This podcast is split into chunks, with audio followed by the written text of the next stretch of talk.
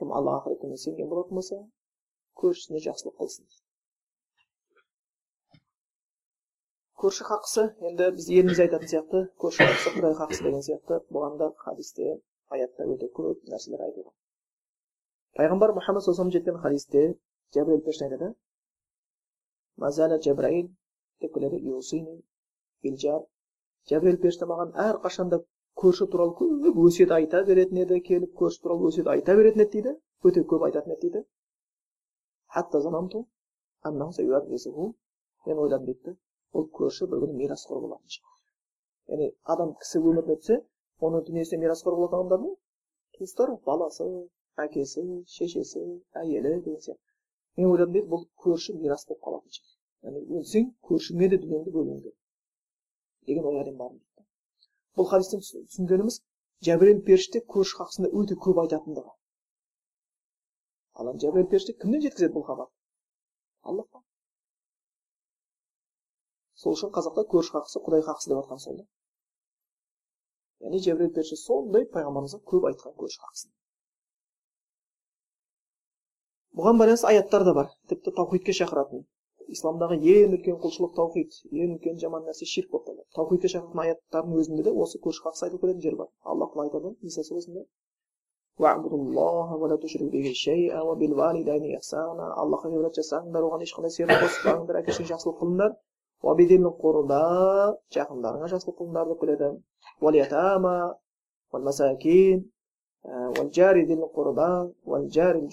деген сияқты жетімдерге міскіндерге жақсылық деп келеді да. Одан кейін сендермен туысқан қарым қатынасы бар көршілеріңе жақсылық қылыңдар қасыңдағы көршілерге жақсылық қылыңдар деп келеді екен. Бұл аяттың өзінде де көршілерді бөледі екен. Ал ғалымдар көршіні үшке бөледі. Бір көрші бар дейді оның мойнында сенде бір ақ хақысы бар дейді. Бір көрші бар дейді сенің мойнында екі хақысы бар дейді. Бір көрші бар дейді сенің мойнында үш хақысы бар дейді. Көршілер үшке бөледі екен. Енді бір көрші мойнында бір ақ хақысы бар көрші дейді ол мұсылман емес көрші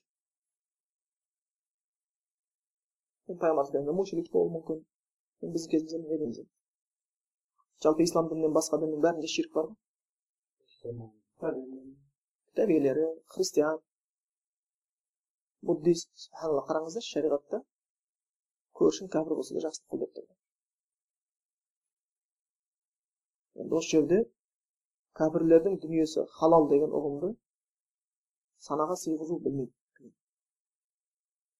қай жерде айтып жатқанын қай ғалымның фатуасына сүйеніп жатқанын сондай бейбіт өмір сүріп жатқан елде көршің кәпір болса да хақысы бар да сол үшін ілгергі сахабалардың өмірін қарасаңыздар көршілері мушрик болса да олардың хақысын ұмытпайтын болған абдулла ибн амр астада келеді үйінде мал сойылатын болса оның көршісі яхуди болған екен е анаған ұмытып кетпеңдер хақысын деп е ұмытып кетпеңдер мал сойса бірдеңе беріп отыратын болған да көршісіне ұмытып кетпеңдер ей оны түсіндіреміз көрші хақысын сонда бұл жердегі ә, сонда көрші үшке бөлініп тұр екен иә бір көрші бар мойнында бір ақ хақысы бар сенде бір көрші екеу бір хақысы бар бірісінде үш хақысы бар бір ақ хақысы дегеніміз ол мұсылман емес көршілер. Ол көршілік хақысы бар болды. Бірақ ол сенен діни махаббатқа ие бола алмайды түсіндіңіздер ғой? Сен аллах үшін жақсы көре алмайсың. Оның дінін дұрыс деп айта алмайсың. Ол адасқан. Шаман келсе насихат қыласың. Көршіміз ғой сен. Кім болсаң о бол әйтеуір соны жүре берші. Деген әңгіме жоқ. Бірақ көршілік хақысын қалап көршілік хақысы деп жатқанымыз үйінде мал сойылып бірдеңе болатын болса бөлісу ауырған болса хал жағдайын сұрау бұл хақтар қалады түсіндіңіздер ғой оның үйіне зиян жасамау деген сияқты осы нәрселерді ескертіледі бұл егер бір хақысы бар көрші ол мұсылман емес көрші екі хақысы бар көрші ол мұсылман көрші бірінші саған көршілік хақысы бар екінші мұсылмандық хақысы бар уже оған сәлеміміз басқаша болады ассаламу алейкум уағалейкум ассалам рахматуллах оның жаназасы бар оның басқа жаңағы түш көрген деген бар уже мұсылмандық хақысы бауырмалдық хақысы қоса жүреді онда екі хақысы бар көршілік хақысы бар және мұсылмандық хақысы бар енді бір көрші бар үш хақысы бар ол сенің туысқан көршің туыстар біріне жақын тұрып қалады иә ондай болатын болса оның сенің мойныңда көршілік хақысы бар ол сенің мойныңда мұсылмандық хақысы бар және ол сенің мойныңда туыстық хақысы бар. Туыстық хақысы болып қалады екен. Сол көршілер осыған қалай бөлінеді. Енді көршілер қанша саны қанша деген ұғымға келетін болсақ. Енді ибн ражаб хамбали өз кітабында келтіреді кейбір ғалымдардың сөздерін. Көршілер дейді қырық үйге дейін көрші есептеліне береді бірақ енді кейбір ғалымдар сол ғалымдар ол сол заманмен өлшенеді дейді ол кезде машина болған жоқ ол кезде үйлер кішкентай болды көбінесе бір бөлмелі үйлер ғой қазақтар киіз үйде тұрған сияқты бір бөлмелі үйлер сосын үйлер көбінесе жаңағындай ә, машина болмаса басқа нәрселер болмағаннан кейін көшенің кеңейтуіне қатты мұқтаждықтар болмағаннан кейін үйлер көбінесе бір біріне жабысып соғыла береді маған үйлерде пайғамбарымыздың хадисте келеді ғой. Көршің дуалына баған қоямын десе қарсылық білдірмеді үй соғады. Кетті оны қазір балка дейміз ғой баған сол келіп үй соғайын деп жатыр сенің істеріңе қойғысы келіп тұр балқыс. Көршің болса сенің қабырғаң құлап қалмайтын болатын болса ол салмақты көтеріп алатын болса қойғыза берді қарсылық білдірді сонда ол кездегі үйлер қабырғалас болып кеткен кездер бар түсіндіңіздер ғой қабырғалас кеткен үйлер болған. Олар жақын болған енді ол кезде қырық үй деген түсінуге болады ал қазіргі кезде қырық үй деген бір қала сияқты қалай дегенмен де енді ә, ең ә, көрші саған жақын болған сайын хақысы үлкен бола бастайды оң жақтағы көрші сол жақтағы көрші алдындағы көрші этаж үйде тұрған болатын болсаң этаж үйде бір подъездегі көршілер бұлар хақысы жоғары сенің этажыңдағы көршілердің хақысы жоғары жоғарыдағы көрші төменгі көрші бірақ бір дом болғаннан кейін бір подъезден кіріп шығып жатқаннан кейін бұлардың бәрі көрші болып қалады бірақ қараңыздаршы ақыр заманның жақындаған белгісі ма басқасы ма ауылды жерде әлі күнге дейін мүмкін сақталып жатқан шығар бірақ этаж үйде тұрған кезде осы этаж үйде тұратынымыз көп шығар төбеңіздегі тұрған көршінің аты жөнін біле аласыздар ма болмаса астындағы көрші сол үшін ислам деген ол құр бірдеңені біліп алып айтып жүру емес ислам деген практиковать ету осыған қарап өзімізге баға берсек болады. Осыған қарап өзімізге баға берсек болады. Сол үшін көршінің хақысы деген бұл кәдімгі шариғатта өте қатты айтылған. Оған қатты көңіл бұрып отыру керек. Және хадистерде өте қатты айтылады. Көршіге байланысты пайғамбар саллаллаху жеткен бір хадис не деп келеді валлахи ла юмину валлахи ла юмину валлахи ла юмину деп үш рет айтты аллахпен ант етемін иман келтірген деп есептелінбейді бір адам аллахпен ант етемін бір адам иман келтіргендердің қатарына кірмейді аллахпен ант етемін бір адам иман келтірген қатарына кірмейді деп айтады қила сонда сұралады сахабадан өзі ман я расулалла е аллахтың елшісі кім ол сондай иман кім деп келеді кімнің дейді көршісі оның жамандығынан сақтанбаған сақтана алмайтын болатын болса ол иман яғни сенен көршің қорқады кетсең светін ұрлауы мүмкін үйіне барсаң бірдеңесін алып кетуі мүмкін ондай көршің болса ол ол иман келтірген емес деп тіпті бір хадисте келеді деп келеді жәннатқа кіре алмайды кімде кімнің көршісі оның жамандығынан аман болмаған болса оны жамандығынан аман болған болатын болса онда ол жәннатқа кіре алмайды деп айтып кеткен екен сол үшін осы жерде біздің және аяттарға хадистерге қарап сүйенетін болсақ көрші хақысы өте қатты айтылатындығын байқап көріп біліп тұр екенбіз енді көршінің хақысы не деп аялап жерде ол дегеніміз хадисте келген сияқты кімде кім дейді ля юмину бір адам иман келтіріп өзі білмейді деп келеді деп келеді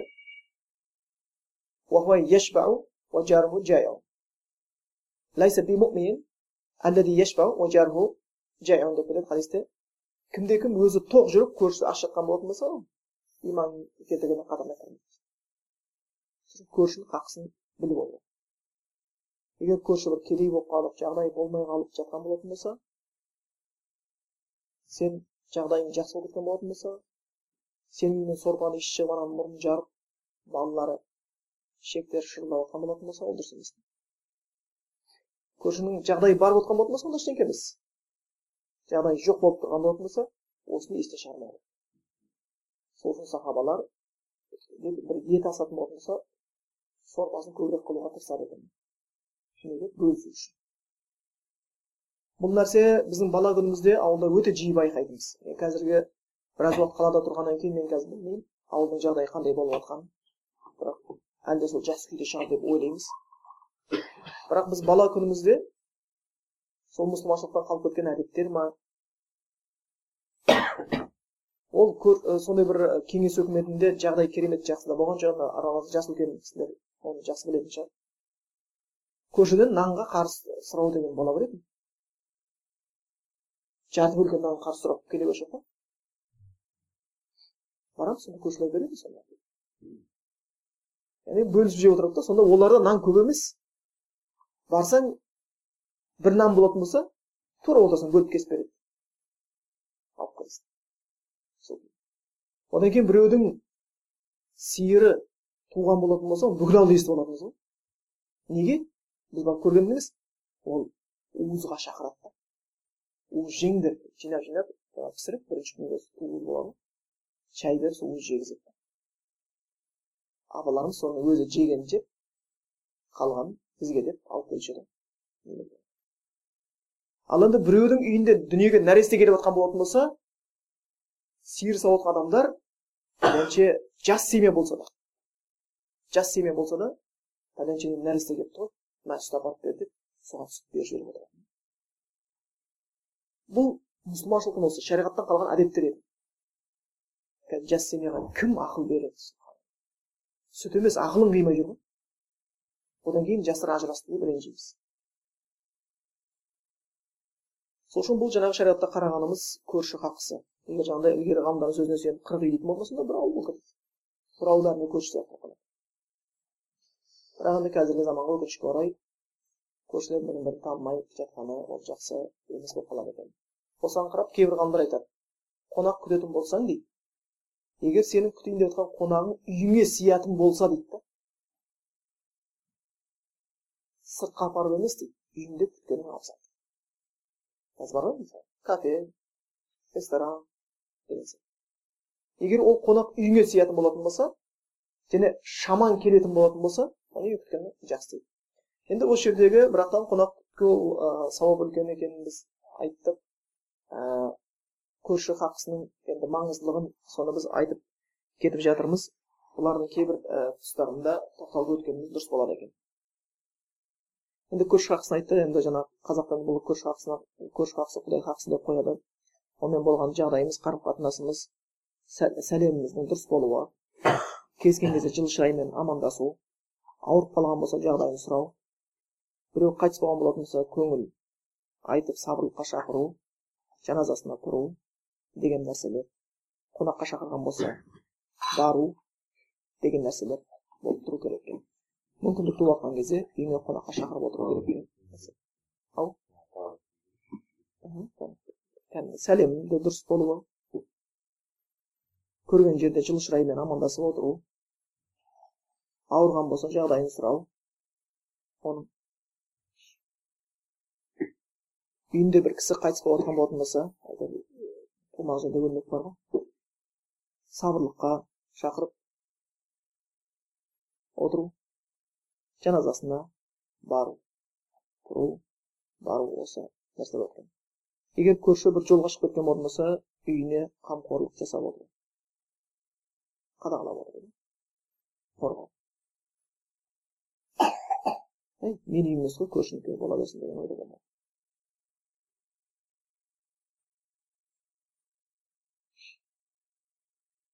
Осы хақтарын және тіпті көршінің қақсына кейбір ғалымдар кіргізеді көршің туралы біреу жаман сөз сөйлеп жатқан болатын болса тоқтату деген көршің туралы біреу жаман сөйлеп жатқан болатын болса оны тоқтатып қою жаман сөз сөйлеп кейбір ғалымдар айтады үйіңе бір енді ілгергі кезде жеміс жидек дегендер өте сирек кездесетін нәрсе болғаннан кейін өте қымбат есептелінетін үйіңе дейді да сен бір алма алып келе жатқан болсаң дейді бала шағаңа сол кезде көрші алдыңнан шығып қалып сенің алмаңды көрген болса дейді. Бөліс дейді көз қақсын бер дейді. Маған мынаны бір ауыз тиіңіз деп бер дейді. А егер сенің алған алмаң ол көршіге бөлісуге жетпей тұрса өзің бала шағаң алған болсаң дейді онда алып келе жатқан кезде дейді оның көзіне құрт құрт түсірместен көрсетпей алып кір дейді. Яғни көрінбейтін сеткіден тіпті ананы көңіліне яғни сараң бол деген сөз емес өзіңнен артын айтқан нәрсе болатын болса онда адам көңіліне кірген түсірме дейді осыған дейін айтып кеткен кісілер болған екен ғалымдардың ішінде сондықтан бұл шариғатта көрші хақысы өте қатты айтылып отырады екен жоғарыдағы аяттар хадистер оның маңыздылығын бізге қатты түсіндіреді енді осы жерде кішігірім бір тоқталып өтейік үш нәрсені айтып кеттік иә сөзге ықтият болу өйткені сөз дегеніміз осымен адамдардың қарым қатынас құралы тау мен тасты жел бұзады адаммен адам сөз бұзады деген сияқты қазіргі кездегі егер шіркін қоғамда адамдар жаман сөзден алыс болатын болса өсек ғайбат өтірік жала деген сөзден алыс болатын болса онда сол қоғам кедей болса да бақытты өмір сүреді ал егер бұл сөздер бар кезде ол қоғам бай болса да бақытсыз. Өйткені қазақта мақал бар адам құлақтан семіріп көңілден азап құлақтан семіреді деген сөз жақсы сөз адам. Семіртеді деген сөз. Егер сен естіп жатқан жаман сөз басқа болатын болса айқай шу бітпейтін нәрсе болатын болса май жеп отырып та арықтай бересің. Май жеп арықтай бересің. Ал енді сенің маңыңдағы сөздерді жақсы сөз сөйлеп отыратын болса онда сен қара су ішіп отырып та бал жегендей боласың. Рахаттанасың мұқағали мақатаевтың бір сөзі бар ғой айтатын. Айналайын дейтұғын жан болса егер енді қалған өмірімді қияр едім қиындықтың сонда кәдімгі бір айналайын дейтін сөз үшін өмірімді қиып жіберуге дайын тұрмын. Дейді өйткені адамды негізі өте қатты көңіл көтеретін нәрсе. Жылы сөздермен жақсы қарым қатынас сол үшін әсіресе мұсылмандармен болғанда сәлемдесуің жылы шыраймен қарауың өте көркем түрде болу керек. Одан кейін жаңағы қонақтың хақысын айтып кеттік. Қонақ бірінші күнгі сүннеті уәжіп екі күннен сүннет деп үшінші күн төртінші күнде садақа болады деп айтты. Бірақ адам баласы шамасына қарасын үйіне қонақ келіп қалды. Егер қазір мұндай заман аз ғой енді үйінде бірдеңе табылмай қалды. деген қазіргі кезде беретін нәрсем аз болды деп ұялу мүмкін ба жоқ болды деп емес. Аз болды деп қазір дастарханға жағдайымыздың жақсарғаны соншалықты жемесек те толтырып қоямыз. Жемесек те толтырып қоямыз дұрыс па сол күйінде. Ол қалып кетеді қонақтан кейін оны таусылмайды қонақ. Сол күйінде. Ал енді кімде кімнің бір шын шамасы келмей қалған болатын болса болмаса үйінде орын болмай қалып бала шаға көп болып қонақты жатқызатын жер отырғызатын жер болмай қалған болатын болатын болса онда оған дейді қаржылай көмек берілуге болады. Дейді болмаса үзірін айтуы ол күнә емес дейді өйткені бірінші күні қонақ уәжіп деп айттық қой яғни адам баласы шамасы келмейтін нәрсе жүктелмейді деген нәрсеге сүйенеді ал шамаң келіп тұрса қуана қуана ол қонақты күтіп сауапты алып қалуға тырысу керек деп алады екен одан кейін соңғысы көрші хақысын айтып кеттік сонда көрші хақысы адам еш уақытта жалғыз өмір сүрмейді адам өмір сүру барысында адамдармен қарым қатынаста болады көршінің хақысы ол тіпті не болып табылады екен мұсылман болмаса да оның хақысы бізде бар болып есептеледі ал мұсылман болып отқан болатын болса хақысы еселенеді ал мұсылман болып туысқанымыз болып отқан болатын болса онда хақысы көбейеді болып қалады екен сонда аллах тағала енді осы бізге ә, барша мақтаулар болсын. Сөздің ең жақсы аллахтың сөзі дедік жолдың ең жақсы пайғамбарымыздың жолы дедік осындай құран аяттарынан алған ілімдерімізді бойымызға сіңіріп амалымызға асырып жүруді біздермен сіздерге нәсіп етсін.